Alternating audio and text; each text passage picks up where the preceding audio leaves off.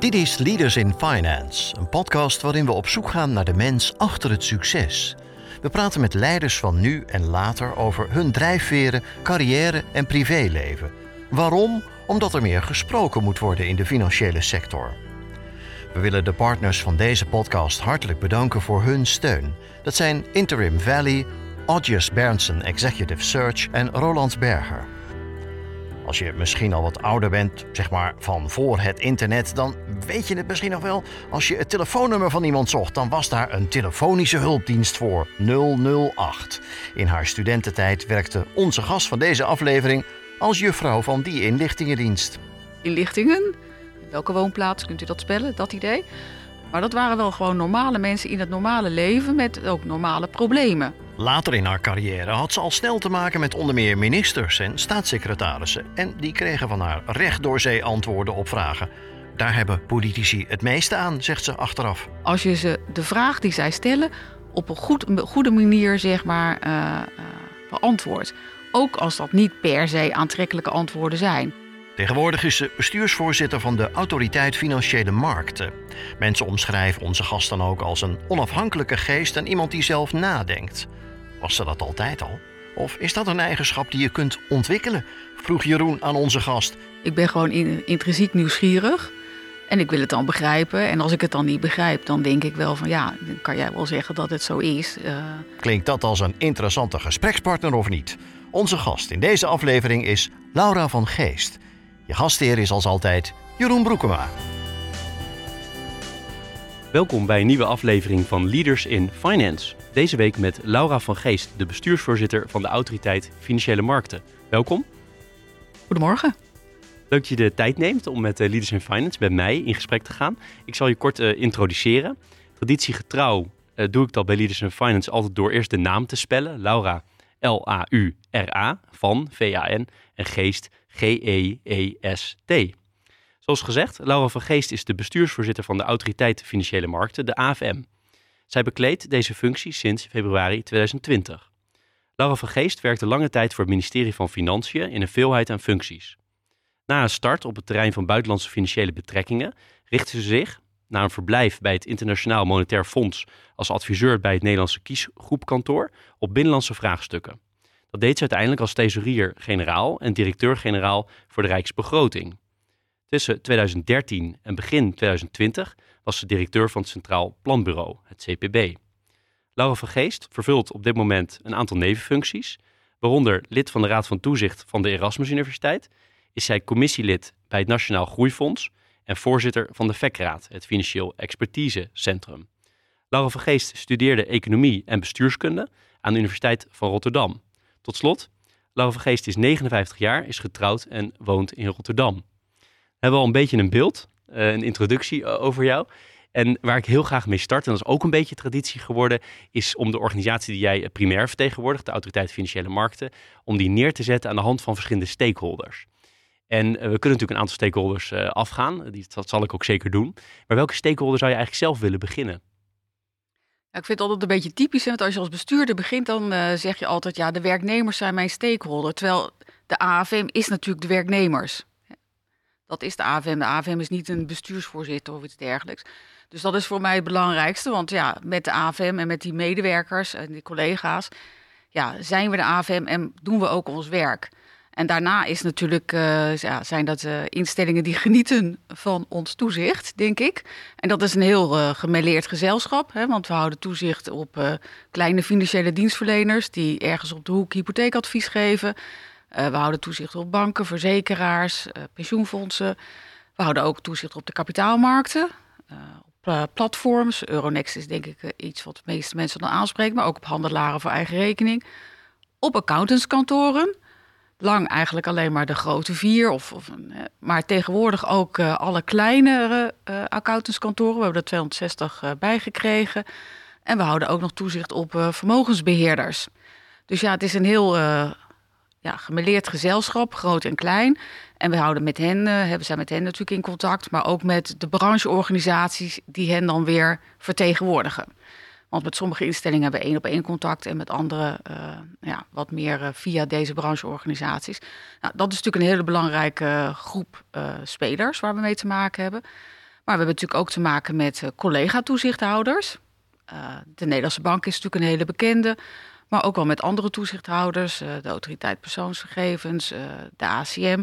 En niet alleen in Nederland, maar ook in het buitenland. Want we hebben ook contact met onze collega-toezichthouders in Cyprus of in Frankrijk, uh, daar waar we onlangs nog ook in het buitenland of in de pers mee naar buiten zijn geweest. Maar natuurlijk ook met ESMA. dat, is de, ja, is de vereniging van toezichthouders zoals wij, maar de, in Europa. En die zijn gevestigd in Parijs. Dus dat is ook een speler. Nou, daarnaast hebben we natuurlijk contact met beleidsmakers. Uh, in Nederland het ministerie van Financiën, maar ook het ministerie van Sociale Zaken. En in mindere mate met het ministerie van Justitie en Veiligheid. Maar ook natuurlijk met de Europese Commissie, want heel veel van het beleid komt uit het buitenland. Nou, dat zijn belangrijke spelers. We hebben natuurlijk ook te maken met de media of het maatschappelijk middenveld. We hebben onlangs nog een Client Earth langs gehad om, ja, aan de voordeur. Dus ja, we zijn omringd door allerlei groeperingen. De, toezicht, de onder toezicht gestelde, of OTSI's zoals we hen noemen. beleid, collega-toezichthouders, de media en de samenleving in den brede. want daar doen we het uiteindelijk voor. Hè? Duurzaam financieel welzijn in Nederland. Geweldig antwoord. Ik heb wel nooit een gast gehad die gelijk alle stakeholders in één keer uh, afwerkte. Zou je ook nog, ik weet niet of je dat paraat hebt, maar een aantal getallen erop willen plakken? Dus hoeveel mensen werken hier? Hoeveel uh, onder toezicht staande instellingen zijn er? En, en, dat, soort, uh, dat soort getallen? we werken bij de AFM met ongeveer 650 mensen. en het aantal onder toezicht gestelde zou ik niet eens spontaan kunnen opnoemen. Want ja, er zijn echt heel veel kleine financiële dienstverleners. Uh, terwijl het aantal ja, grote verzekeraars is natuurlijk weer beperkter. Dus we hebben één op één contact met uh, hele grote partijen, dus de grote banken en met grote verzekeraars. Uh, maar met heel veel van die individuele financiële dienstverleners ja, hebben we vooral contact via uitvragen. En ja, als er incidenten zijn, wat we natuurlijk meestal niet hopen, maar wel voorkomt. En je beschreef al een heel gemeleerd gezelschap, van heel klein tot heel groot, in allerlei verschillende hoeken in die brede financiële sector. Hoe kies je nou ooit waar je de meeste tijd aan gaat besteden. Want 650 man is, is natuurlijk een serieuze hoeveelheid mensen. Maar als je kijkt naar die paar honderdduizend die werken in die financiële sector, uh, is dat weer heel weinig. En je moet keuzes maken, kan me zo voorstellen. Dus hoe bepaal je nou uiteindelijk van waar je de meeste aandacht aan gaat besteden? Nou, wij proberen dat risico georiënteerd te doen. Hè? Dus te, te kijken naar waar de grootste risico's optreden of zouden kunnen optreden. Uh, dus dat is de ene invalshoek. En de andere invalshoek is ook natuurlijk dat er een aantal verplichte nummers zijn. Hè. In de wet wordt gewoon voorgeschreven dat als iemand de markt wil op, uh, op wil komen, ja, dat hij bij ons een vergunning moet halen. Ja, dan kunnen we natuurlijk niet zeggen, we hebben geen tijd voor over, dus uh, je, we slaan jou over. Maar ik denk voor het, eh, het, het vrije deel is denk ik vooral kijken naar waar zien we de grootste risico's. En voor een deel doen we dat door ja, de omgeving te scannen. Daar produceren we ook documenten over. Het Trendzicht is bijvoorbeeld zo'n voorbeeld. En dan proberen we te kijken wat zijn nou de grootste trends en wat betekent dat in termen van toezichtrisico's. En daar gaan we dan ja, onze aandacht op, uh, op richten. Dus dat is één uh, activiteit. Een andere activiteit is ja, dat er soms ook signalen binnenkomen. Mensen melden zich met, uh, met problemen. bedrijven melden zich met problemen.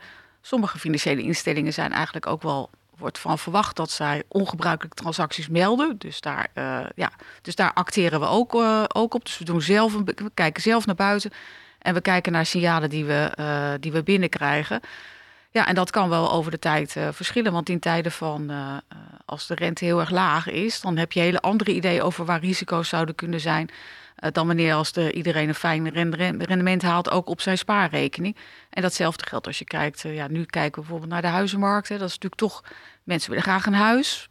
Maar het is ook niet verstandig als ze te veel lenen. Dus dat is dan een onderwerp waar we op dit moment veel meer aandacht voor uh, hebben. Terwijl op andere momenten zouden we een ander onderwerp uitzoeken. Dus ja, het is. Kijken een beetje naar buiten en kijken dan waar zitten dan de grootste risico's. En waar is dan ook het grootste. En het risico is natuurlijk dat het risico optreedt maar ook de impact daarvan. Want wat mij zo lastig lijkt, is je identificeert ook allerlei risico's waarvan je gewoon weet, die moet ik laten gaan, toch? Ja, het, uh, zeg maar het lot van de toezichthouder is dat je altijd generiek te, uh, te veel kijkt in de beleving van sommige mensen. En specifiek altijd te weinig, want ja, dan is er iets, uh, iets misgegaan. Maar ja, het hebben van de goede risk appetite en daar de goede keuzes in maken, ja, dat is ook juist het vak van toezichthouder zijn. Is het soms moeilijk om het los te laten? Want ik, ik zou zelf denken van ik wil eigenlijk overal achteraan gaan. En toch moet je dus nee zeggen tegen dingen waarvan je denkt, ja, de impact is medium tot klein potentieel, maar je weet nooit hoe het gaat lopen. Het kan ook opeens grote impact worden. En ik moet hem nu even laten liggen, want ik moet focussen op dit wat, wat ik heb geïdentificeerd als zijn een groot, uh, groot risico, grote impact. Nou, ik vind zeg maar de, dat kiezen vind ik zelf als bestuurder eigenlijk niet zo uh, lastig. Want wij kunnen denk ik nog wel de distantie hebben om te zeggen, ja, dit is een groot risico. Uh, en dus gaan we andere dingen deprioriteren. Als jij natuurlijk de toezichthouder bent die heel geverseerd is in dat onderwerp, dan is het natuurlijk toch wel ingewikkelder als iemand dan zegt, ja, deze, dit jaar wordt dit niet het accent.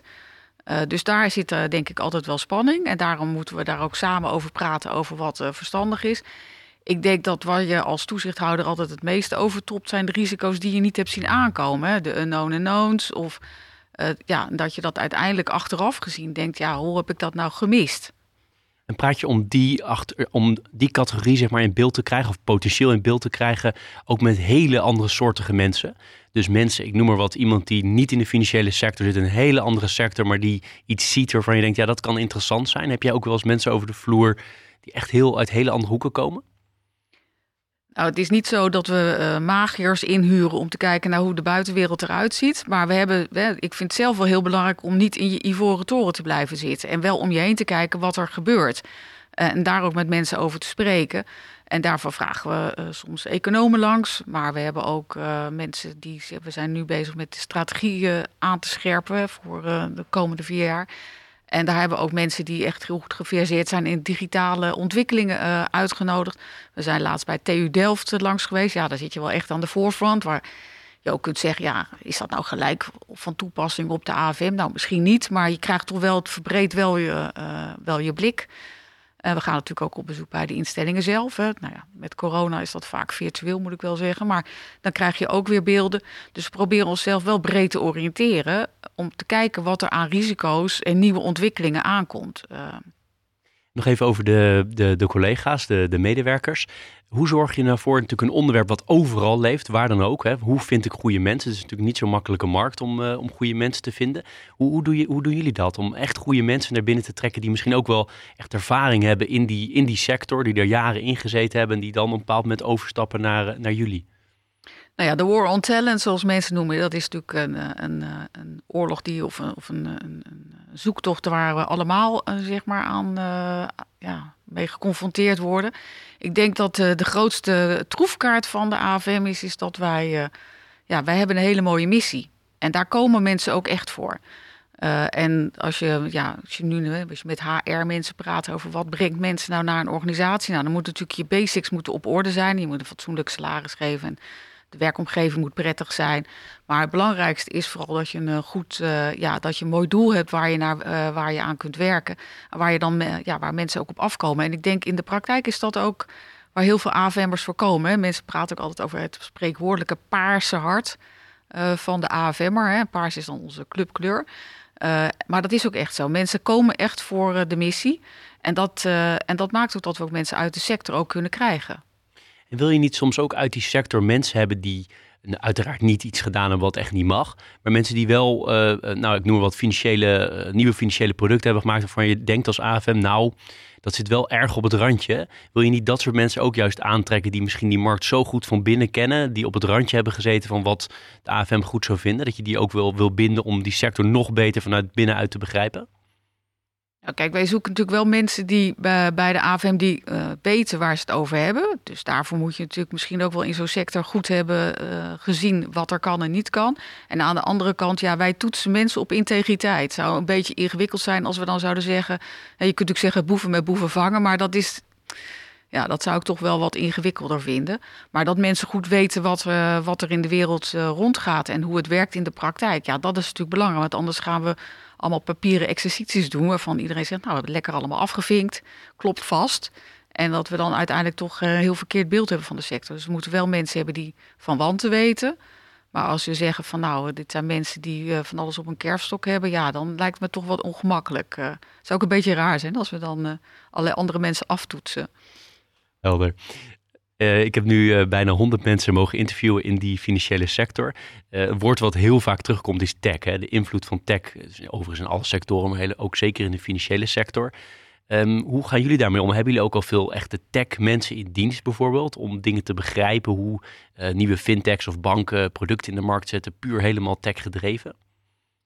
Nou, we hebben wel zelf, we doen natuurlijk zelf een poging om datagedreven toezicht uh, te houden. Daar hebben we natuurlijk ook mensen voor in dienst. Dat is denk ik meer datagedreven dan hardcore tech. Hè. Het is niet alsof we, we hebben geen. Uh, AFM zit niet vol met Delftenaren, zeg maar. maar dat geeft ons wel een beeld over wat er in die sector zich ontwikkelt en wat de kansen zijn. En ook van ons perspectief natuurlijk weer de risico's. Dus daar hebben we wel in geïnvesteerd en investeren we nog steeds in ja, om een beeld te krijgen over wat daar, uh, wat daar gebeurt. Wat onze kansen zijn om zeg maar, ja, de, de sector ook te volgen in de techniek die zij volgen. Dus ik zeg altijd, ja, vroeger ging alles in een kasboek. Ja, dan moesten we goed kunnen lezen en dat kasboek bekijken. Als alles nu data gedreven is hè, en IT gedreven, dan moeten we ook de IT snappen. En dat is niet alleen over wat voor producten ze doen, maar ook over waar hoe die bedrijven eigenlijk functioneren. Dus we hebben ook operational IT mensen in dienst. Want ja, heel veel van uh, onze onder toezicht gestelden, ja, die draaien op platforms. En als die platforms niet integer zijn, als daar fouten worden gemaakt, als dat eruit klapt, ja, dan heeft dat natuurlijk wel hele grote gevolgen. En ja, wij kunnen hen natuurlijk op hun blauwe ogen geloven dat het allemaal klopt. Maar we willen daar natuurlijk zelf ook iets meer zekerheid over hebben. Dus ja, we hebben datagedreven mensen zelf in dienst. We hebben mensen die iets weten van operational IT. En we kijken natuurlijk zelf ook in ons toezicht ook naar ja, hoe worden producten tegenwoordig aangeboden. Want uh, vroeger was dat ook een, uh, ja, dan had je een folder in een tijdschrift. Deze mensen het nog, hè, zou je bijna denken. Ja, tegenwoordig zien mensen alles op een app en komen er allemaal kekke filmpjes langs. Nou, daar gaan wij dan ook naar kijken.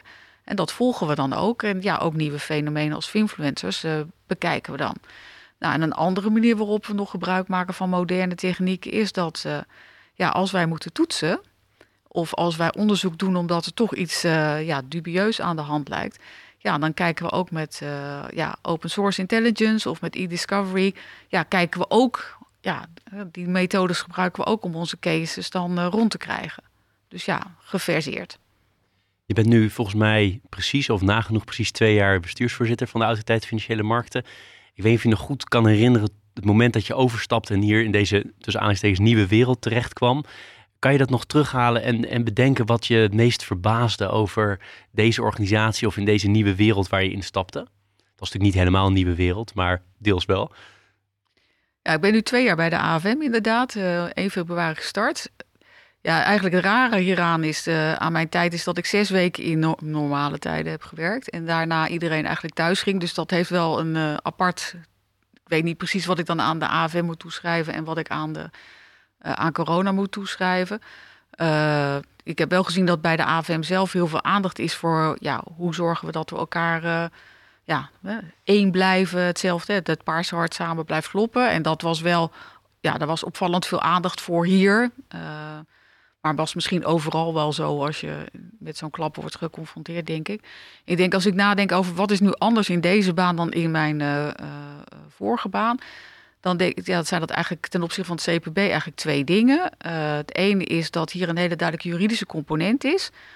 Want ja, wij houden toezicht hè, en mensen moeten, uh, bedrijven, instellingen moeten allemaal normconform uh, gedrag vertonen. En als dat niet zo is, nou, dan hebben we natuurlijk allerlei manieren om mensen het licht te laten zien. Hè. maar uiteindelijk zit er ook handhaving in met boetes. en dat is wel een tak van sport die ik eerder ja, nog niet heb vast tegengekomen. Dus dat is wel uh, echt nieuw. En het andere wat nieuw is, uh, is eigenlijk dat we houden. De feedbackfunctie voor een toezichtshouder is natuurlijk altijd wat gemankeerd. Want uh, ja, ik werkte vroeger bij beleid. Nou, ik kan je verzekeren dat tegenwoordig is het politieke debat misschien nog wat schriller dan vroeger. Maar daar waren mensen nooit uh, voorzichtig in het toedienen van kritiek. Hè? Als mensen dachten van nou, ik, leuk beleid van de minister, maar wij vinden het allemaal knudden. Nou, dan komt dat op allerlei manieren tot je. In de Kamer, vanuit de media, maatschappelijk middenveld. Hè, iedereen meldt zich. Uh, nou, bij het CPB heb je dat in zekere zin ook. Je bent dan onafhankelijk. Maar ja, in de wetenschap is het debat natuurlijk ook echt heel nadrukkelijk aanwezig. En terwijl bij een onder toezicht gestelde, ja, is het natuurlijk toch een beetje een vreemde relatie. Hè? Dus ja, uiteindelijk horen we natuurlijk wel kritiek. Maar het is niet zo open in de feedback als je elders zou moeten zien. En daar moet je ook echt bewust van zijn. Uh, dus dat is eigenlijk iets wat me misschien niet zozeer verrast heeft, maar waarvan ik wel dacht, als ik hierheen ga, moet ik wel opletten.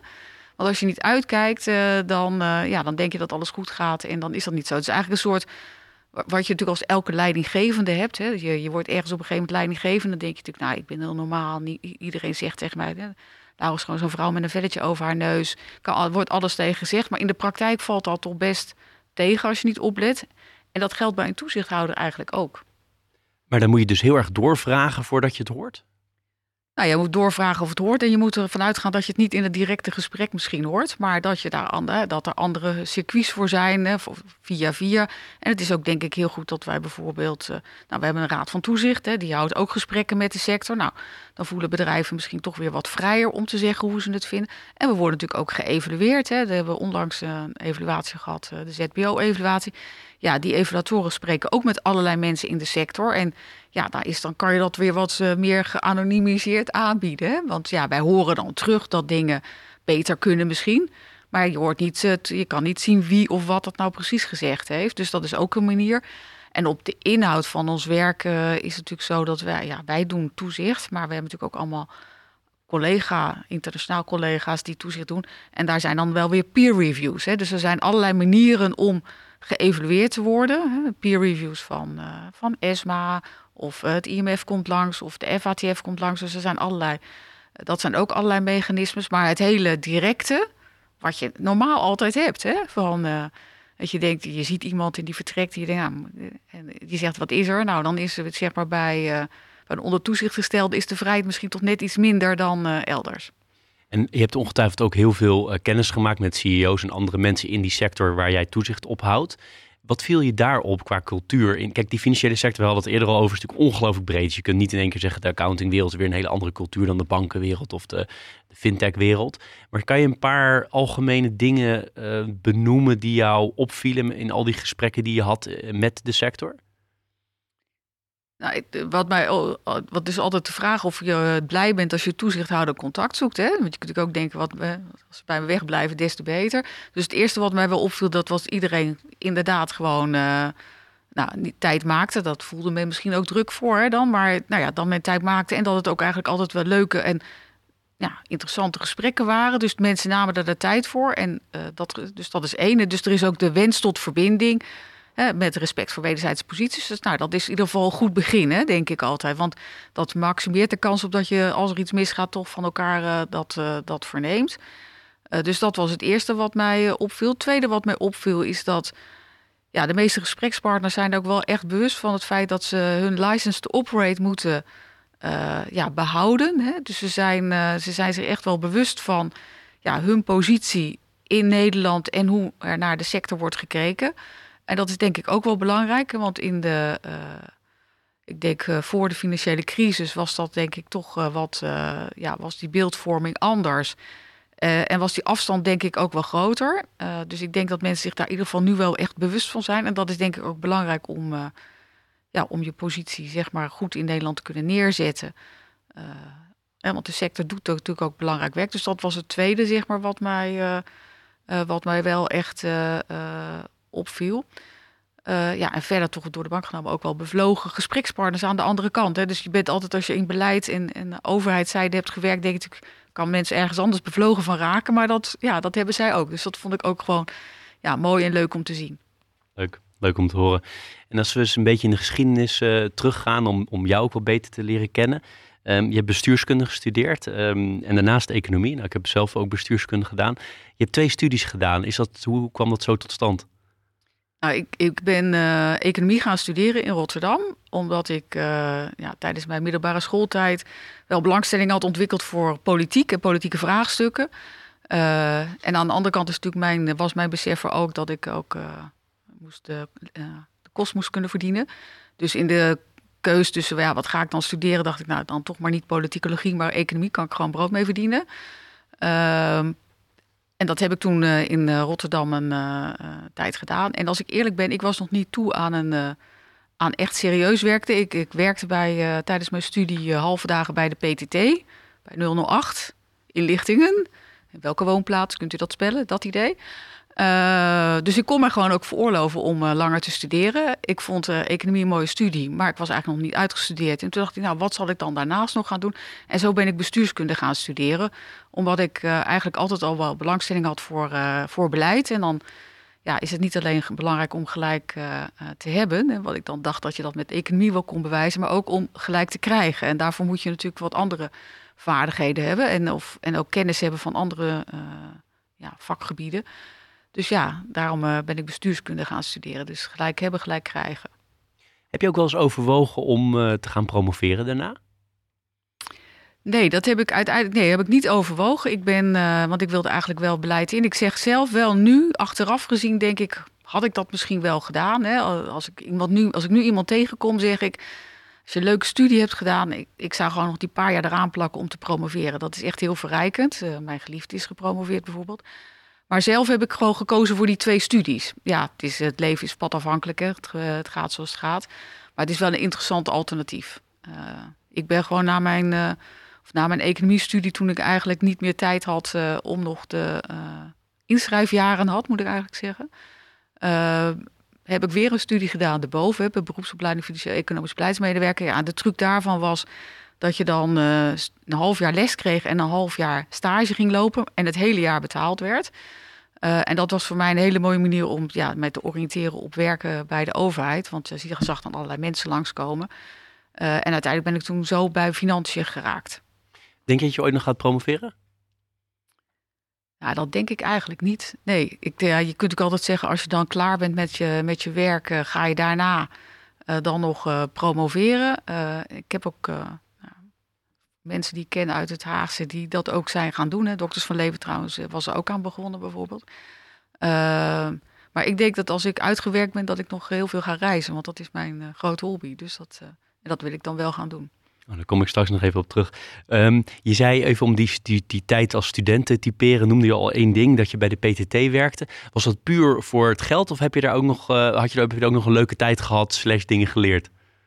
Nou, ik vond werken bij de PTT ben ik gaan doen om geld te verdienen. Want ja, ik moest gewoon ergens van leven. Uh, maar ik vond ook wel een hele mooie combi met het studentenleven. Want die mensen die bij de PTT werken, iedereen werkte halve dagen. waren heel veel dames, uh, een paar studenten, een paar kunstenaars. Maar dat waren wel gewoon normale mensen in het normale leven met ook normale problemen. En dat is toch een heel andere wereld dan de wat ja, exotische wereld van student zijn. Hè? En dat, ik vond dat zelf wel heel goed. En het andere wat ik daar wel heb gezien is dat de moeilijkste baan is ja, hoofd zijn van de zaal. Hè? Dus, uh, want je, er was natuurlijk iemand die, leiding, die het genoeg had leiding te geven aan ons. Ja, en die, die dames zitten daar, hè? wij zaten daar gewoon met elkaar. En uh, ja, bij de PTT is zo, hè? mensen bellen en ze krijgen in gesprek als je niks doet. Hè? Uh, en hoe zorgen nu dat de meeste mensen zaten daar net zoals ik om geld te verdienen ja, dat ze wel aan de slag bleven in een setting waarbij je niet mocht tellen. Hè? Want daar was door met de vakbond afgesproken dat dat niet mocht. Dus ik vond dat, uh, dat is best, een, uh, best knap om dat dan goed te doen. En ook wel eenzaam. Dus dat is, ik dacht wel van, goh, dat is, uh, dat is geen makkelijke baan. Hè? Mensen denken altijd dat baan aan de top moeilijk is. Maar gewoon van dat soort mensen, aan dat soort mensen leiding geven, daar de goede sfeer houden. Dat is ook best uitdagend. Dat was vooral dat ik dacht, ik blij dat ik die baan niet heb, dacht ik vooral. Heb je het lang gedaan? Ik heb vijf jaar daar gewerkt. Vijf jaar, zo. Ja. Je kende de organisatie al goed op dat, uh, binnen, dat, uh, ja, binnen dat, die club. Ja. ja. Leuk. Hoe typeer je verder je studententijd?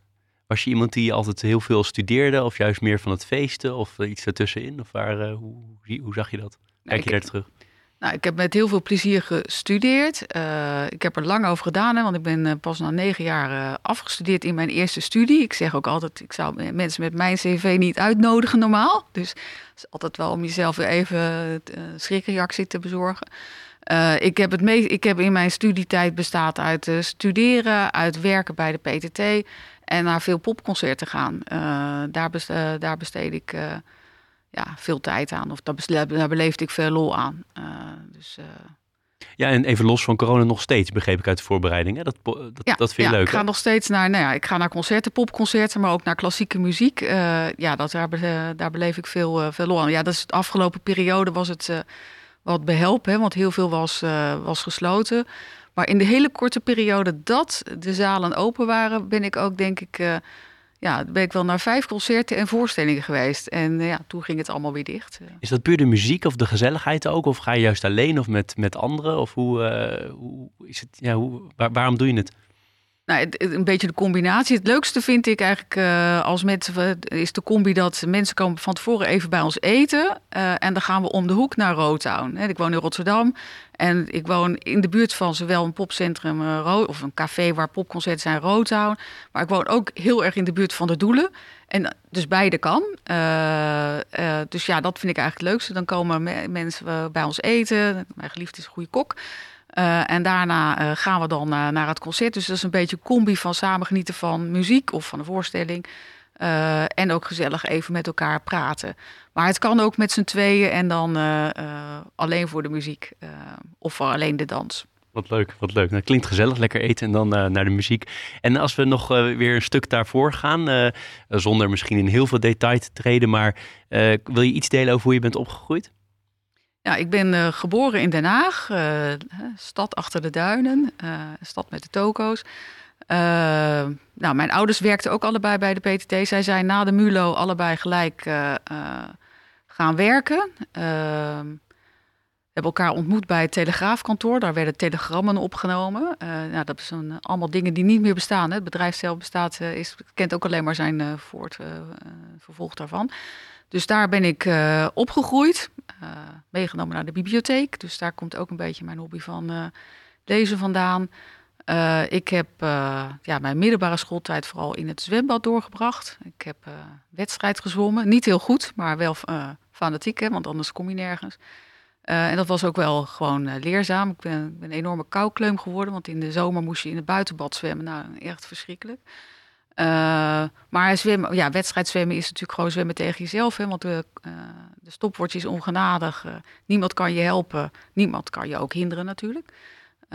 dus ja, dat is een beetje hoe ik ben opgegroeid. En qua normen en waarden? Wat voor soort gezin was dat? Was het, was het religieus of was het dat niet? Of was het heel gedisciplineerd of niet? Of kan je daar iets over zeggen? Ja, nou, ik heb gewoon denk ik een prettige jeugd gehad. Ik denk dat mijn ouders altijd de nadruk hebben gelegd op dat je eigenlijk op twee dingen. Uh, nou, dat je goed je best moest doen. Dus het was niet van je moet een tien halen, maar wel je moet je best doen. Uh, dus dat, uh, nou, dat paste dan wel bij dat zwemmen later. Hè, want dat was ook gewoon, ja, je ging alleen maar goede tijd neerzetten als je je best zou doen. dus dat is het ene. En het andere is, er is meer dan jezelf. het is niet alleen maar ik, ik, ik, de rest mag stikken. Dus dat zijn denk ik de twee dingen die mijn ouders me hebben meegegeven. En ik denk omdat zij zelf misschien allebei wel hadden kunnen studeren, gewoon technisch gezien, maar dat zij kwamen uit milieus waar dat niet gebruikelijk was. Uh, dat ik eigenlijk ook altijd wel heb gedacht, uh, ja, dat uh, als je kan studeren, dan ga je dat ook doen. Daar hebben ze mij nooit in belemmerd. Hè. Altijd, dus ik heb tegen het eind van mijn middelbare schooltijd nooit gedacht, goh, wat ga ik doen? Dat was voor mij eigenlijk bij implicatie ging ik studeren. Heb je belangrijke mensen gehad, of je ze nou wel of niet bij naam noemt, maakt niet uit, maar in die periode van uh, nul tot, uh, tot totdat je klaar was met studeren, die heel veel invloed op je gehad hebben qua motivatie om daarna uh, loopbaan te starten of anderszins? Nou, ik denk, ik denk wat ik beschreef hè, van mijn ouders die gewoon die uitstraalden van dat studeren heel logisch zou zijn, ook voor een meisje, wat vroeger dan wat minder gebruikt was, ook voor iemand die als eerste in haar ja, familie gaat studeren. Dat dat was denk ik het belangrijkste wat zij mij hebben meegegeven. Ehm, en ik denk verderop in mijn carrière, daar heb ik natuurlijk wel met een aantal mensen bij financiën gewerkt die wel belangrijk waren voor mijn, uh, ja, voor mijn tijd daar. Ik, uh, ik heb heel veel geleerd van uh, Bernard Haar, was mijn eerste baas. André de Jong was ook iemand met wie ik heel veel werkte. Dus, en dat zijn allemaal mensen die mij weer verder hebben gebracht in de wereld van gelijk hebben en gelijk krijgen. Ja, dat is interessant. Dat haalde je eerder ook al aan. Is dat iets wat, wat je hebt moeten leren uh, voor je gevoel? Nee, maar ik ben wel geïnteresseerd in resultaat. Dus kijk, ik ben bij de overheid gaan werken omdat ik zelf... Uh, ik ben opgegroeid in tijd met hoge werkloosheid. Uh, en ik, volgens mij is werkloosheid is niet goed voor mensen. je hebt geen inkomen, je hebt geen structuur in je leven. Niemand weer waardeert. Je kans, het gevoel van waardering is altijd ingewikkeld om te krijgen. dus dat vond ik zelf, vind ik zelf heel belangrijk. En dus ja, bijdragen aan beter onderbouwd beleid uh, is een belangrijke motivatie voor mij geweest om bij, uh, nou ja, voor de publieke zaak te gaan werken. Maar dan moet je natuurlijk wel weten over wat is goed beleid en hoe krijg je dat voor elkaar. Nou, iemand als uh, André de Jong en Bernard de Haar waren allebei daar echt in geïnteresseerd en vonden dat ook belangrijk. Dus niet genoegen nemen met een wat vaag praat. Maar gewoon echt kijken hoe zit het nu. Gebruik maken van informatie van het Centraal Planbureau, wat ik ook later dan naartoe ben gegaan. Dat was denk ik voor hen, uh, voor hen heel, vonden zij allebei heel belangrijk. En hebben ze mij ook in gesteund. En ook wel dat je mensen niet naar de mond moet praten. Ministers, bazen worden niet beter van als je ze vertelt wat ze willen horen. Maar als je ze de vraag die zij stellen op een, goed, goede manier zeg maar, beantwoordt. Ook als dat niet per se aantrekkelijke antwoorden zijn. Dus die onafhankelijkheid en dat dat ook goed is en dat je daar, dat je daar uiteindelijk je bewindspersoon het beste mee bedient ja, dat heb ik eigenlijk ook van hen beiden meegekregen. En ja, mijn uh, Gerrit Salm heeft mij benoemd tot thesaurier. En een van zijn motivaties was dat ik hem tegensprak. Dus daar heb ik heel veel van gehad, zou ik zeggen. Dat is mooi, want in de voorbereiding uh, lees ik inderdaad ook iemand die no-nonsense. Je zegt gewoon wat je ziet is wat je get. Je zegt waar het op staat, op de inhoud. Wel genuanceerd, maar wel heel duidelijk. Werkte dat ook al in je eerste banen? Want ik kan me voorstellen dat bepaalde leidinggevenden daar wel een beetje onrustig van werden. Van zo, ze, ze zegt, ik weet niet of je toen al deed, hè, maar even vanuit gaan dat je toen al meteen gewoon dingen benoemde. Werd dat altijd gewaardeerd? Ja, ik ben, ik ben daar niet, uh, ik, ben daar nooit in uh, gecorrigeerd, zal ik maar zeggen. Ik ben wel gecorrigeerd op mijn uitdossingen toen ik helemaal aan het begin binnenkwam bij, uh, of gecorrigeerd is een beetje een groot woord, maar de, in mijn stagetijd kwam ik nog binnen in mijn Mega Maggie outfits, dus die waren allemaal zwart en kort. ik vond het zelf al heel netjes, want een rok. Maar ja, dat was toch meer naar de letter dan naar de geest van werken in een uh, werktenu. En toen ik, was ik ooit, ja, hadden, hadden ze heel leuk voor mij gedacht, nou dan kun je wel mee naar dat, naar dat gesprek. En toen hadden ze me zien binnenkomen en hadden gedacht, ja dat gaan we toch niet doen. En die feedback kreeg ik toen, toen dacht ik, oké, dan moet ik dan de volgende keer toch wel wat aan, daar moet ik dan beter op letten. Mooi hoe je het woord uitdossingen gebruikt. Ja, ik denk dat ze dat ook hebben ervaren, zeg maar. maar. En als ik er nu naar terugkijk, snap ik het ook helemaal. Hè? Maar ik, ja, dat is dan soms zo je heel letterlijk kunt denken... nou, ik heb nou toch een rok aan, wat is het probleem? Ja, tegenwoordig is denk ik best wel, moet je best wel mee oppassen als je tegen iemand zegt, je moet je anders gaan kleden. Op de dat zeiden ze niet, want ze zeiden ook niet de andere Ze zeiden alleen van, nou, we nemen je nu niet mee naar dat gesprek met de ambassadeur. ja. Wel aardig duidelijk, toch? ja, nee, uh, geweldig. En wat, wat, zijn, uh, wat, wat zijn de dingen verder die je hebt, uh, hebt geleerd in die eerste periode van je, van je loopbaan? Wat waren voor jou echt dingen die je moest leren voor je gevoel?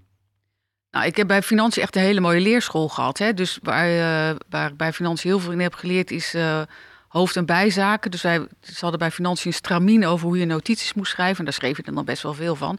En dan, uh, dat was altijd aanleiding. Hè? Waarom, waarom moet ik dit lezen? Wat zijn de kernpunten? En dan de toelichting.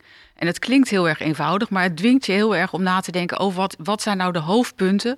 Wat is nou de kern? Wat is nou echt het probleem? Wat zijn nou echt de oplossingen? Wat zijn echt de voor- en nadelen? Uh, en ik kan je verzekeren, de hoeveelheid slecht geschreven notities die ik daarna heb aangetroffen elders, hebben mij wel bevestigd in het feit dat dat echt een hele uh, belangrijke leerschool is. Want het is heel moeilijk als je later dan stukken leest.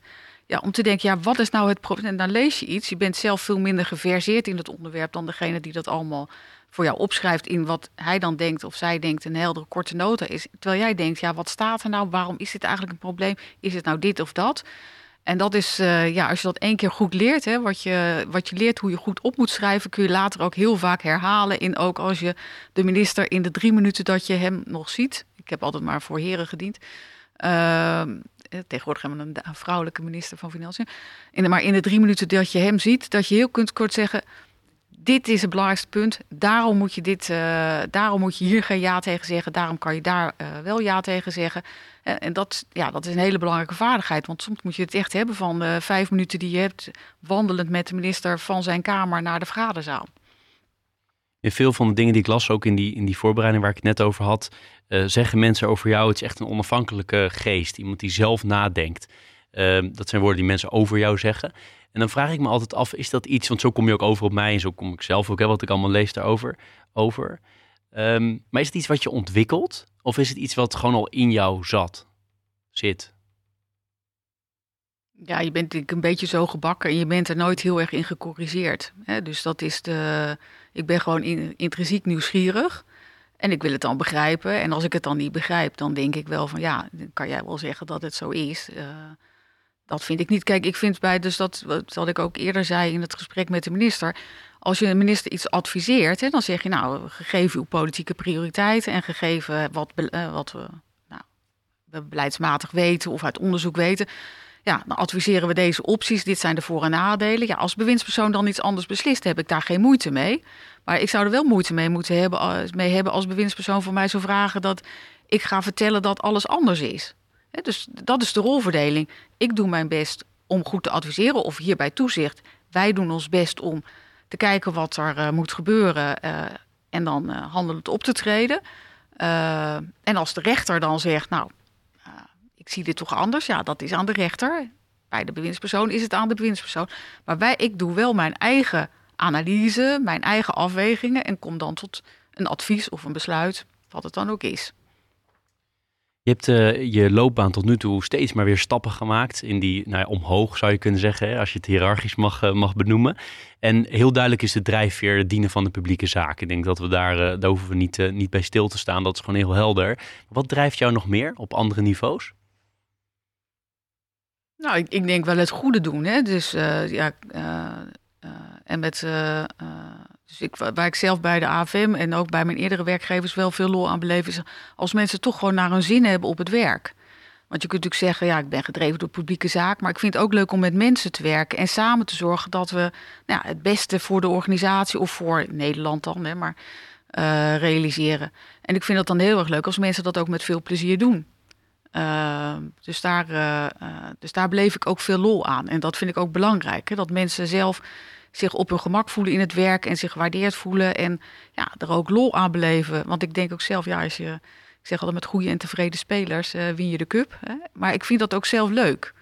Ik zeg ook zelf altijd, ja, als ik niet naar mijn zin zou hebben in het werk, dan, dan zijn dat wel heel veel uren die je er moet doorbrengen.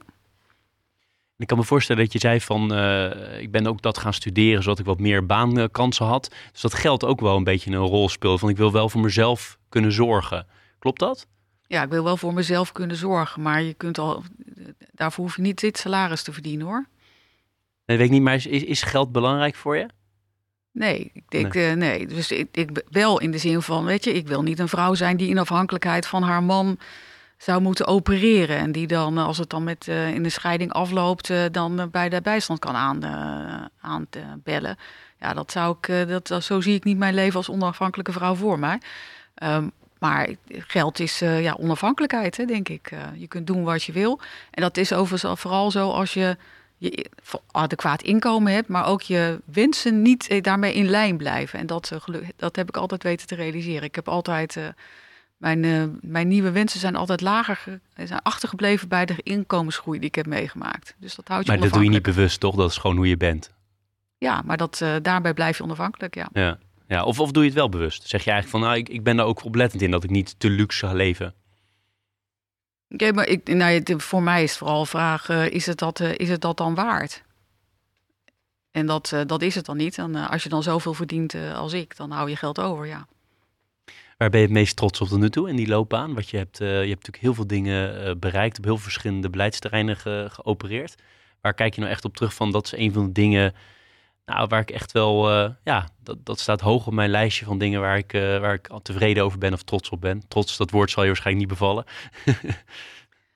Uh, nou, ik, wat ik eerder zei, dat ik uh, het leuk vind als mensen het naar hun zin hebben in hun werk, dat, daar kan ik wel van genieten. Dus ik heb, en daar ben ik ook wel in zeg maar, beloond. Hè, want Wouter Bos heeft gezegd toen hij mij vroeg voor een baan, ja, dat was voor je gelobbyd dat je het zou doen, want mensen wilden je graag. Bij het CPB en ook bij de AFM komt uit medewerkersonderzoek komt dat, het, ja, dat medewerkers echt tevreden zijn.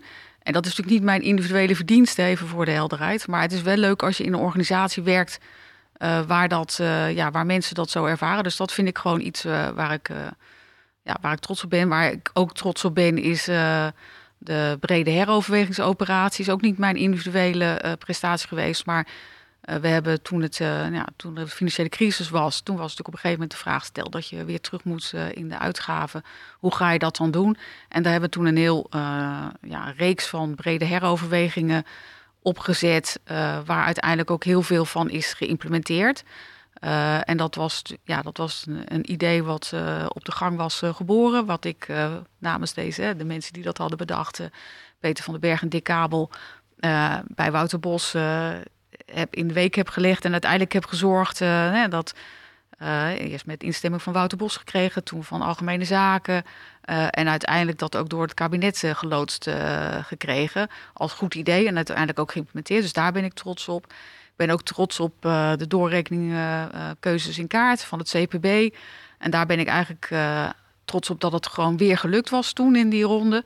En ook wel dat mensen uh, ook heel, dat heel hard hadden voor, uh, kunnen afmaken. Want dat is echt een hele pressure cooker-achtig moment. Want je kunt pas beginnen als de partijprogramma's klaar zijn. En het moet op tijd klaar zijn. En niet de dag voor de verkiezingen. Dus je hebt maar een hele korte periode waarin dat kan. terwijl er wel heel veel werk moet worden verzet. En toen ik kwam was helder dat uh, mensen daar ook wel eens tegen opzagen. Dus toen heb ik heel veel tijd en energie gestoken in het beter organiseren van dat proces. Zodat we alles deden wat we konden doen voordat de heksenketel losbarstte. Uh, en we ook uh, nou, heel goed geoutilleerd waren. En ja, toen het af was, was ik heel tevreden omdat zowel de politieke partijen tevreden waren over hoe het proces was verlopen. Maar ook dat de mensen die dat hadden gedaan zeiden: Nou, het was nu wel hard werken. Maar als ze het over een maand vragen en ik weer wat ben uitgerust, dan ben ik er weer rijp voor. En dat was toch wel ja, een, eh, een wat opgewektere uh, ja, repliek dan ze daarvoor hadden gehad. Want toen mensen eigenlijk zeiden: Nou, ik hoop dat. ik hoop dat we dat toch nooit meer hoeven te doen. Dus dat vond ik ook wel goed. Dus het zijn mooie producten, maar in combinatie met mensen die dat ook leuk vinden om te doen. En bij de AFM, tot nu toe, als je iets mag kiezen? Uh, nou, ik ben zelf, maar dat is eigenlijk niet mijn verdienste. We hebben Brexit natuurlijk gehad, hè, waar uh, allerlei partijen naar Nederland zijn gekomen. En dat was natuurlijk, daar is heel hard aan gewerkt van tevoren. En nou, het is dan toch altijd spannend, komen ze? En als ze komen, gaat het dan goed? En het is gewoon echt perfect verlopen. En dat is, dus daar ben ik, daar zijn wij denk ik, kan ik trots op hen zijn als ik eerlijk ben. Want ik heb hier betrekkelijk zelf weinig, betrekkelijk aan, weinig aan gedaan. Maar dat vond ik wel een, eh, een, eh, een hele mooie prestatie eh, bij de AFM. En ik vind ook dat we goed zijn blijven doordraaien tijdens corona. Dat is natuurlijk denk ik ook wel echt een, mooie, een mooie prestatie. We hebben bij Leaders in Finance ook altijd een pleaser en een teaser. Nou, de pleaser gaat altijd over boeken. Daar gaan we het zo even over hebben. Dat is een van de dingen waar ik me erg op verheug, want ik begrijp dat je veel leest. Um, aan de teasende kant heb ik opgeschreven: de Nederlandse bank en de autoriteit financiële markten hebben natuurlijk een hele duidelijke andere missie. Een hele duidelijke andere uh, kijk waar ze, naar, uh, nou ja, waar ze toezicht op houden, hoe ze naar de, naar de, naar de samenleving, economie kijken. Tegelijkertijd is het natuurlijk onvoorstelbaar veel overleg tussen deze twee uh, organisaties. Heel veel verschillende overlegorganen. Mensen spreken elkaar formeel, informeel. En er zijn natuurlijk heel veel dingen waar er overlap is. Zou het niet toch handig zijn, samenvoegen is wat extreem, maar om toch bijvoorbeeld naast elkaar, de teaser is, ga gewoon samen in één pand zitten. Je hebt eigen missies, maar hou er een, een deur tussen, maar vind elkaar daardoor nog makkelijker en kan daardoor nog beter toezicht houden op die sector. Dat is wel, wel grappig. Uh, onafhankelijkheid wordt natuurlijk vaak geassocieerd met het hebben van je eigen plek. Hè. Dat was voor het CPB ook heel, heel belangrijk. Als je het als CPB niet zeg maar, was ingekwartierd bij een bij een departement. De WODC is ook uitgeplaatst. Dus, dat, uh, dus ik denk dat dat, is, uh, dat zou mijn eerste reactie zijn. Hè, van, dat neemt niet weg dat de samenwerking met DNB natuurlijk goed moet verlopen. En, goed, en ook goed verloopt. En dat we het over, zo moeten overleggen dat de sector geen last heeft van dat wij tegenstrijdige dingen vragen. Tenzij dat heel logisch samenhangt met onze missie. Want er is natuurlijk een reden waarom we uit elkaar zijn, naast elkaar staan. En een deel van de activiteiten bij de Nederlandse Bank zijn weggehaald en bij ons zijn geplaatst. Dat was juist de gedachtegang uit achter Twin Peaks. Wij zijn er voor, het, uh, voor de consument en voor het gedragsperspectief. En de Nederlandse Bank is er voor het prudentiële uh, perspectief. En dat wijst niet altijd dezelfde richting in. En de angst was natuurlijk dat de prudentiële invalshoek, de stabiliteitsinvalshoek, het altijd zou winnen. Dus, maar gegeven die verschillende invalshoeken, moeten we natuurlijk niet meer overlap en tegenstrijdige dingen vragen van de sector dan, dan strikt noodzakelijk. Dus het gaat niet gebeuren dus? Nou, ik heb geen plannen tot inhuizen, maar ik kan, we kunnen natuurlijk over alle frivole ideeën nadenken. Nou ja, kijk, weet je wat is vanuit een, uh, vanuit een onder toezicht instelling is het soms wel uh, lastig, denk ik, dat je hetzelfde verhaal weer meerdere keren moet vertellen als je met beide te maken hebt. En dat, vanuit dat oogpunt, vanuit de klant, tussen aanhalingstekens, uh, kan het denk ik wel heel goed zijn als je soms ook één, één, op één manier het, je, je informatie kan, nee, maar, kan delen. Dus ik, uh, ik ben helemaal eens dat als we samen kunnen werken, dat we dat ook moeten doen. En nu zijn we bijvoorbeeld, daar, daar nou, dat bewijzen we ook, hè, dat zeggen we niet alleen, dat bewijzen we ook. Het kader van Show Don't Tell. dat bijvoorbeeld bij de pensioenhervorming wij uitvragen, hebben wij vragen aan de sector en de Nederlandse bank ook. En we hebben nu samen een uitvraag. Zodat, uh, zodat de, en dan kunnen we ook, en dan moeten we ook samen natuurlijk kijken over hoeveel kan je redelijkerwijze uitvragen. Dus dat dwingt ook samen een beetje te prioriteren in wat je dan vraagt.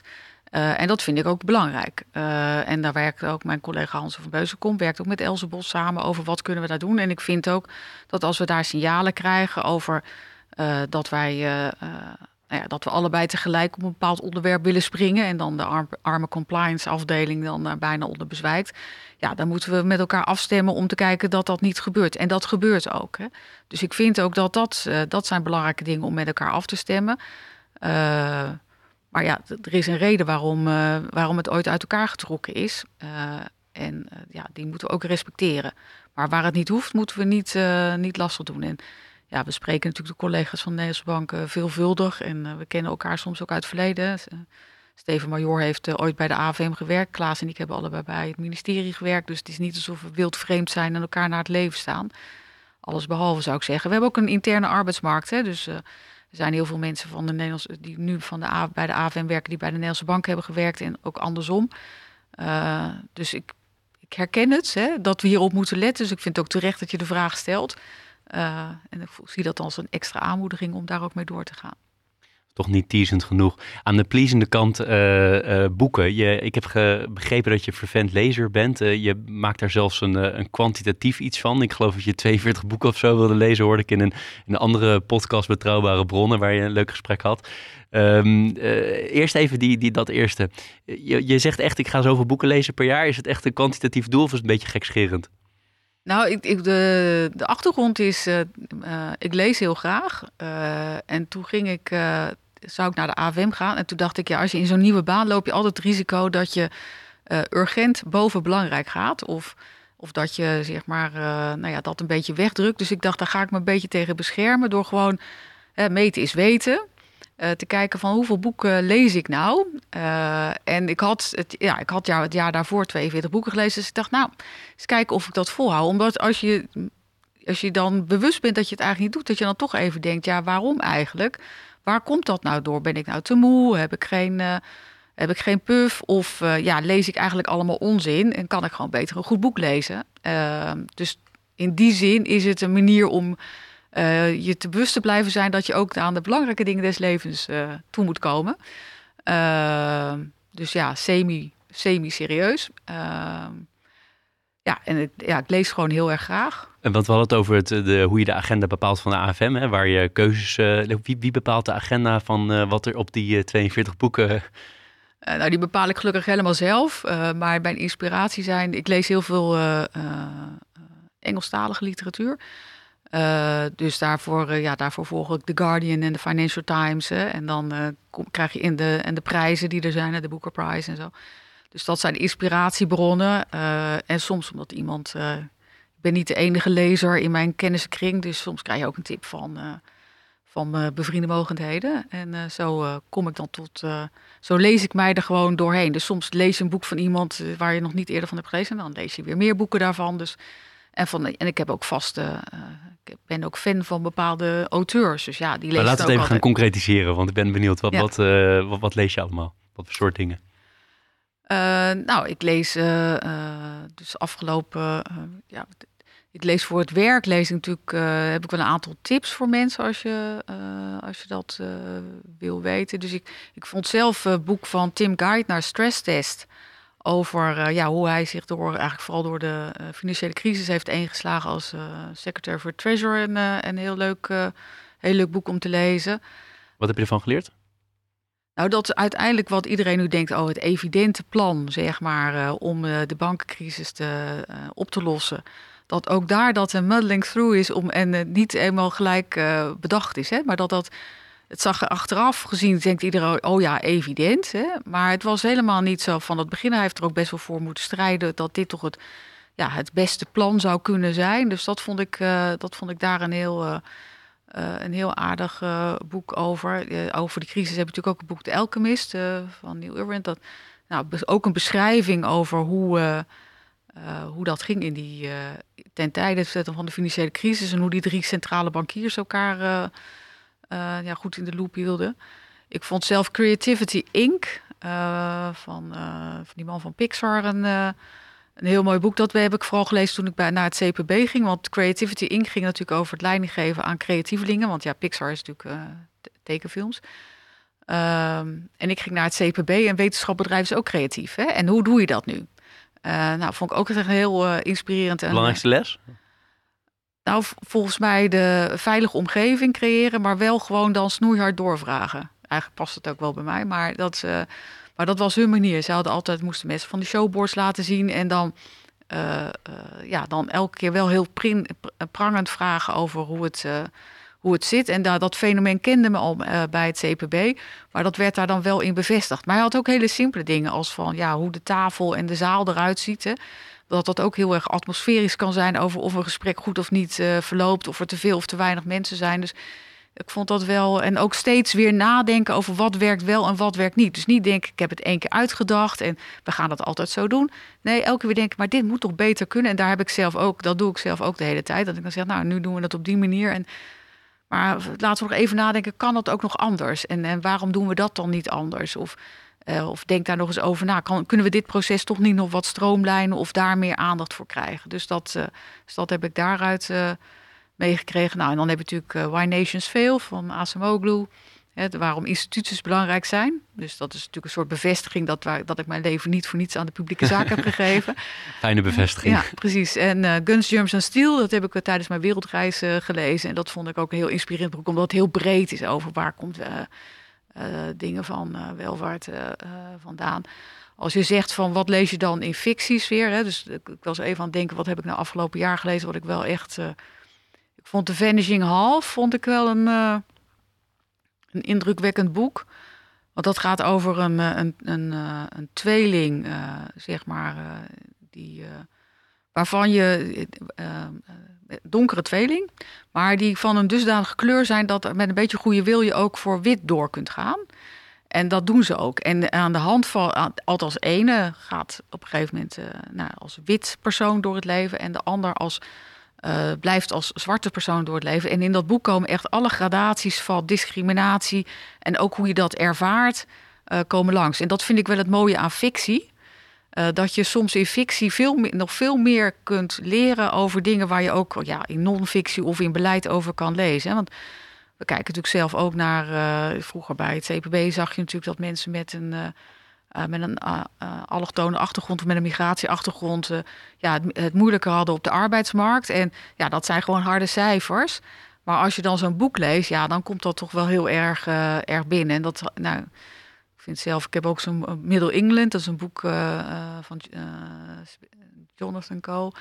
Dat gaat over Brexit. Hè? Ja, hoe dat, en, maar gewoon een, een geschiedenis van mensen die over ja, die Brexit, die Brexit-tijd leven. En dan zie je alle perspectieven die in de Britse samenleving daarop zijn geweest. Krijg je in de vorm van een verhaal langs. Ja, dat was toch ook ja, levendiger dan dat kun je toch niet krijgen. Terwijl ik ook gewoon echt hele nette policy briefs heb gelezen en afgedaan over de effecten van Brexit. Dus ja, dat zijn ook uh, uh, boeken die ik dan lees ja, wat heb ik verder afgelopen jaar? Net aan het begin van dit jaar heb ik de biografie van uh, Erasmus gelezen.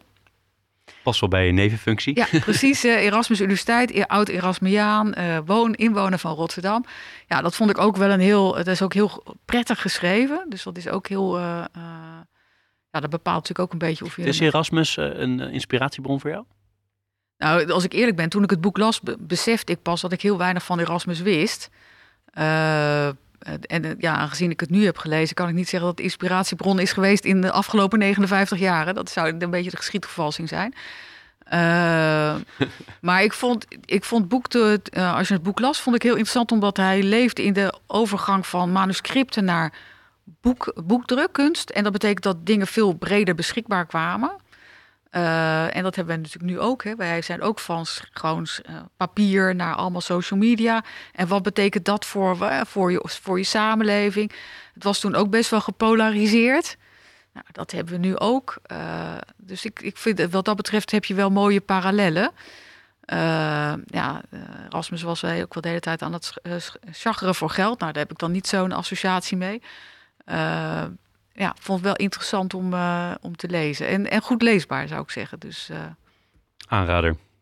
Zeker. Mooi en ik, bijzonder hoeveel, hoeveel, boeken je in één keer zo uh, uit je hoofd opnoemt.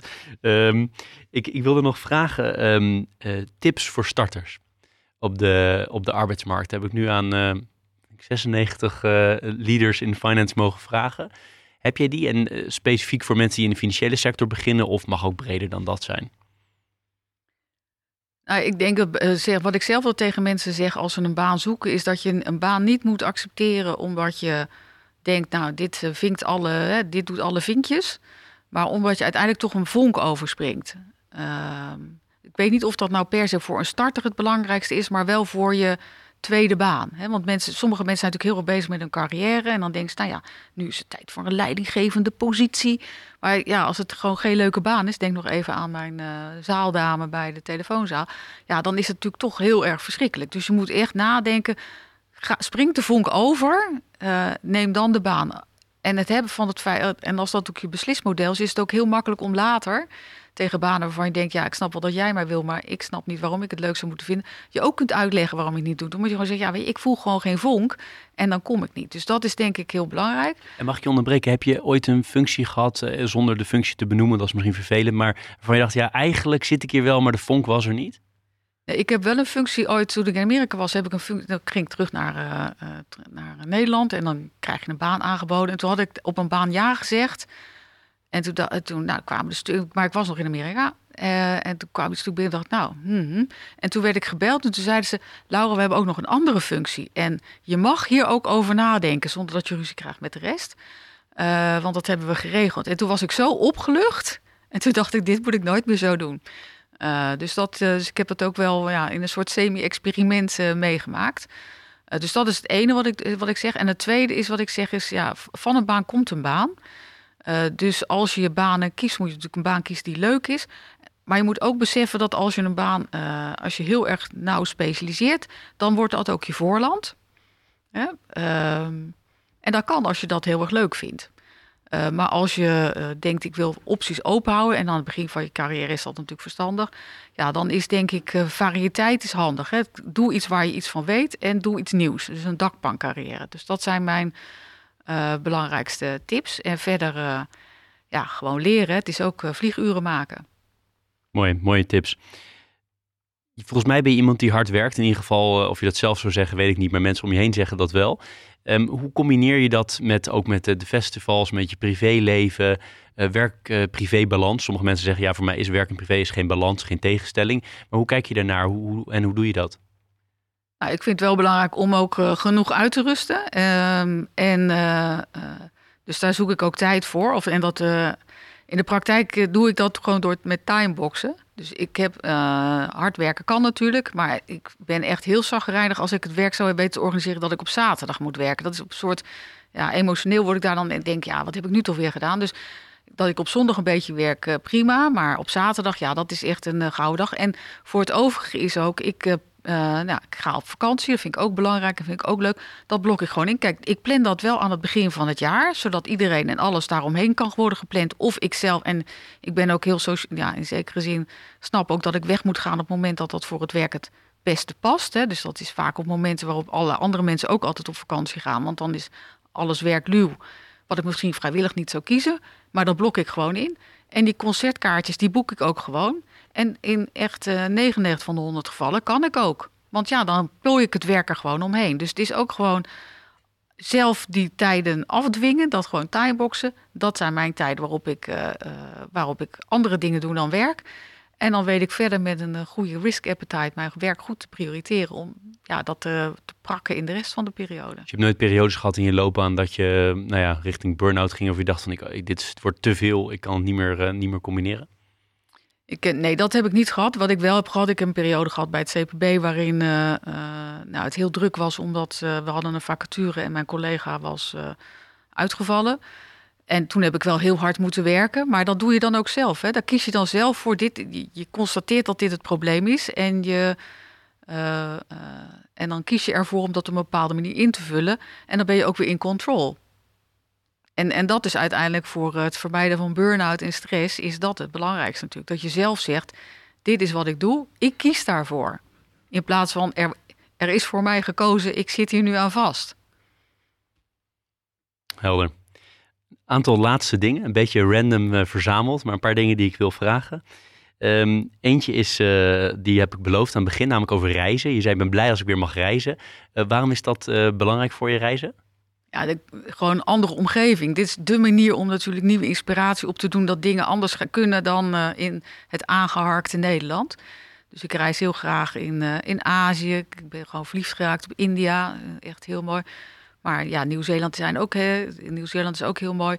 Maar het is gewoon een hele andere wereld. En dat is zo inspirerend gewoon om te zien hoe mensen elders leven. En je blijft natuurlijk gewoon een toerist. Hè? Dus ik ga niet zeggen dat ik onderdeel ben van de samenleving daar. Maar alles is gewoon anders. Het ruikt anders, het ziet er anders uit. De, uh, mensen gedragen zich anders, de bus is anders. Alles is anders. Leuk, ja. Even helemaal eruit in een hele andere wereld stappen. Andere random onderwerp wat ik wilde aanstippen is... Uh, je bent natuurlijk ook echt een econoom die breed kijkt naar die samenleving... Uh, als, als persoon in ieder geval, hè. misschien ook wel als bestuursvoorzitter. Um, wat mij ook wel opviel in veel van de voorbereiding is dat je toch uh, groei komt vaak ook terug, GDP growth. En is dat niet gewoon een heel oud concept? Is dat niet toch iets wat niet meer helemaal past bij deze tijd? En ik kan de redenen aangeven, maar die ken je zelf denk ik ook. Ja, ik, ik denk niet dat. Ik vind altijd niet-economen of mensen die niet helemaal in het economische vak zitten, die hebben het vaak over dat beleidsmakers zich blind staren op BBP-groei ik moet de, eerste, eh, moet de eerste politicus nog tegenkomen die zegt: Ik wil BBP groei. In mijn leven, beleidsmatig, is het gesprek altijd gegaan over. Hoe gaat het met de werkgelegenheid? Hoe gaat het met de werkloosheid? Hoe gaat het met de koopkracht? Dat zijn de aspecten die langskomen. En niet uh, laten we lekker BBP maximeren. Uh, economen staan bekend om het feit dat ze altijd aandacht vragen voor externe effecten. Dus milieu, hè, al die dingen zijn er langsgekomen.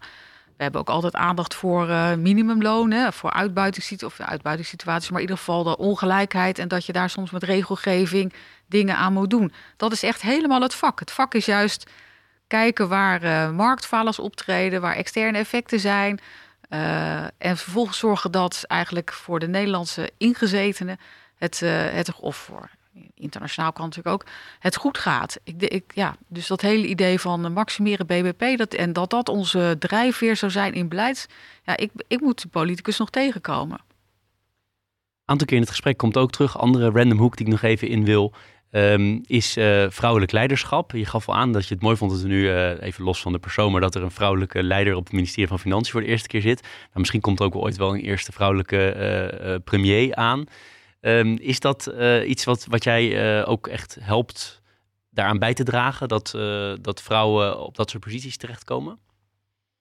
Nou, ik, ik denk dat ik vooral, wat ik zelf vooral op die manier. Kijk, ik zoek gewoon de beste. Ik zoek gewoon de beste, maar de beste kunnen ook vrouwen zijn. En de manier om te zorgen dat je niet daar langs kijkt, is gewoon om te zeggen als je als er wordt geworven, dat je, je krijgt een longlist of een shortlist om te zeggen van goh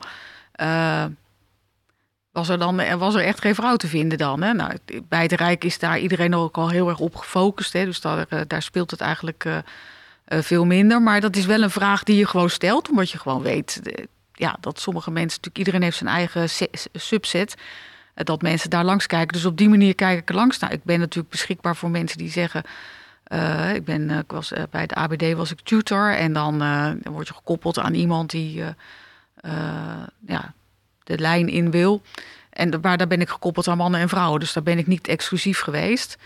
Uh, wat mijzelf natuurlijk vooral opvalt, is dat ik ben zelf altijd de eerste vrouw geweest op heel veel plekken. Dus ik was de eerste vrouwelijke directeur AVEP, de eerste vrouwelijke tesorier, de eerste vrouwelijke DGRB, de eerste vrouwelijke uh, directeur CPB. En dit was mijn eerste keer dat ik een vrouw op, uh, ja, opvolger was van een vrouw. En ik zie dat zelf ook wel voor een deel als cohort-effect. En dat geldt eigenlijk ook straks voor de, nou, nu is dat voor de minister van Financiën en dat zal straks ook bij het premierschap zijn. Op een gegeven moment is, zijn er gewoon, is er een cohort van vrouwen, eh, zijn de aantallen groot genoeg uh, om gewoon daar ook capabele uh, krachten onder te kunnen selecteren en die komen dan naar boven drijven. Maar goed, je moet vermijden dat mensen in hun eigen nauwe veldje zoeken. En dat geldt niet overigens alleen voor, voor vrouwen, maar je kunt ook zeggen diversiteit is eh, breder geschakeerd, zou ik zeggen. Dus uh, je kunt ook kijken of, uh, of je niet per ongeluk alle mensen met een migratieachtergrond kijkt, omdat je die toevallig niet in je netwerk hebt. Leven is padafhankelijk, zei je eerder. Als je de korte, middellange termijn kijkt, dan is het antwoord dat je natuurlijk hier heel goed zit. Maar op de langere termijn zijn nog dingen waarvan je zegt dat zou ik heel erg leuk vinden om in die hoek te opereren. Nou, ik, ik, eh, ik, ben, ik, werk eigenlijk toch. Ik heb eigenlijk niet zo aan carrièreplanning gedaan. Ik ben toch altijd in dingen uh, gerold en dan een, logische vervolgstap. En wat ik logisch vond, was altijd weer logisch op het moment dat ik daar zo stond. Dus toen ik bij het CPB zat, dacht ik, ja, het is toch wel. Een logische vervolgstap is toch wel in iets onafhankelijks blijven. En niet terug te gaan naar uh, een, beleids, een zuivere beleidspositie. Dus dat zou hier denk ik ook zo zijn. Dus dat weet ik niet. Ik vond zelf de zorg een heel interessant veld. Daar ben ik heel kort uh, lid geweest van de Raad van Toezicht. Daar ben ik weggegaan omdat uh, dat niet uh, te combineren viel met een positie hier. Omdat ik anders zeg maar twee mensen tegelijk in de Raad van Toezicht zaten. Ja, iemand die hier ook in de Raad van Toezicht zit. Dus dat zou niet prudent zijn. dus die heb ik daarom opgezegd. Maar de zorg vind ik wel een heel interessant veld. Het is echt zo waanzinnig ingewikkeld. dus ja, als ik ooit weer eh, de tijd en eh, ruimte hebben voor een andere nevenfunctie, dan zou ik dat, eh, zou ik dat misschien in zo'n veld zoeken. Tot slot, laatste vraag. Je zei eerder ook, we zitten in de ruimte waarin je zit. Kan ook de fysieke toestand kan ook wat beïnvloeden. Nou, we zitten hier in een ruimte met heel veel klokken aan de wand. Dat is, ik weet niet waarom dat is, maar beïnvloedt mij wel. Betekent dat ik ook denk van, oh, we moeten eens een keer richting de, het einde.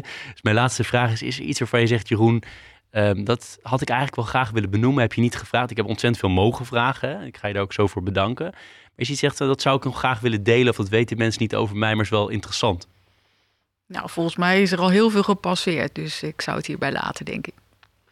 Ik wil je heel hartelijk bedanken. Kunnen luisteraars niet zien, maar hier staat een, um, een, uh, een bedankje van Bocca Koffie.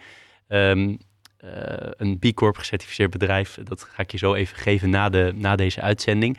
Heel erg bedankt voor al je uh, fantastische antwoorden en het leuke gesprek. En uh, ik ga het volgen hier bij de AFM en jou, jouzelf natuurlijk. Graag gedaan. Was leuk. Dit was Leaders in Finance. We hopen dat je deze aflevering met veel plezier hebt beluisterd. We stellen je feedback erg op prijs. Wat houdt je bezig en over wie wil je meer horen? Laat het weten via een Apple of Google review. Dat kan ook via de sociale media kanalen of direct via een e-mail. We kunnen het enorm waarderen als je dat doet. Tot slot danken we onze partners voor hun steun. Dat zijn Interim Valley, Audius Berndsen Executive Search en Roland Berger.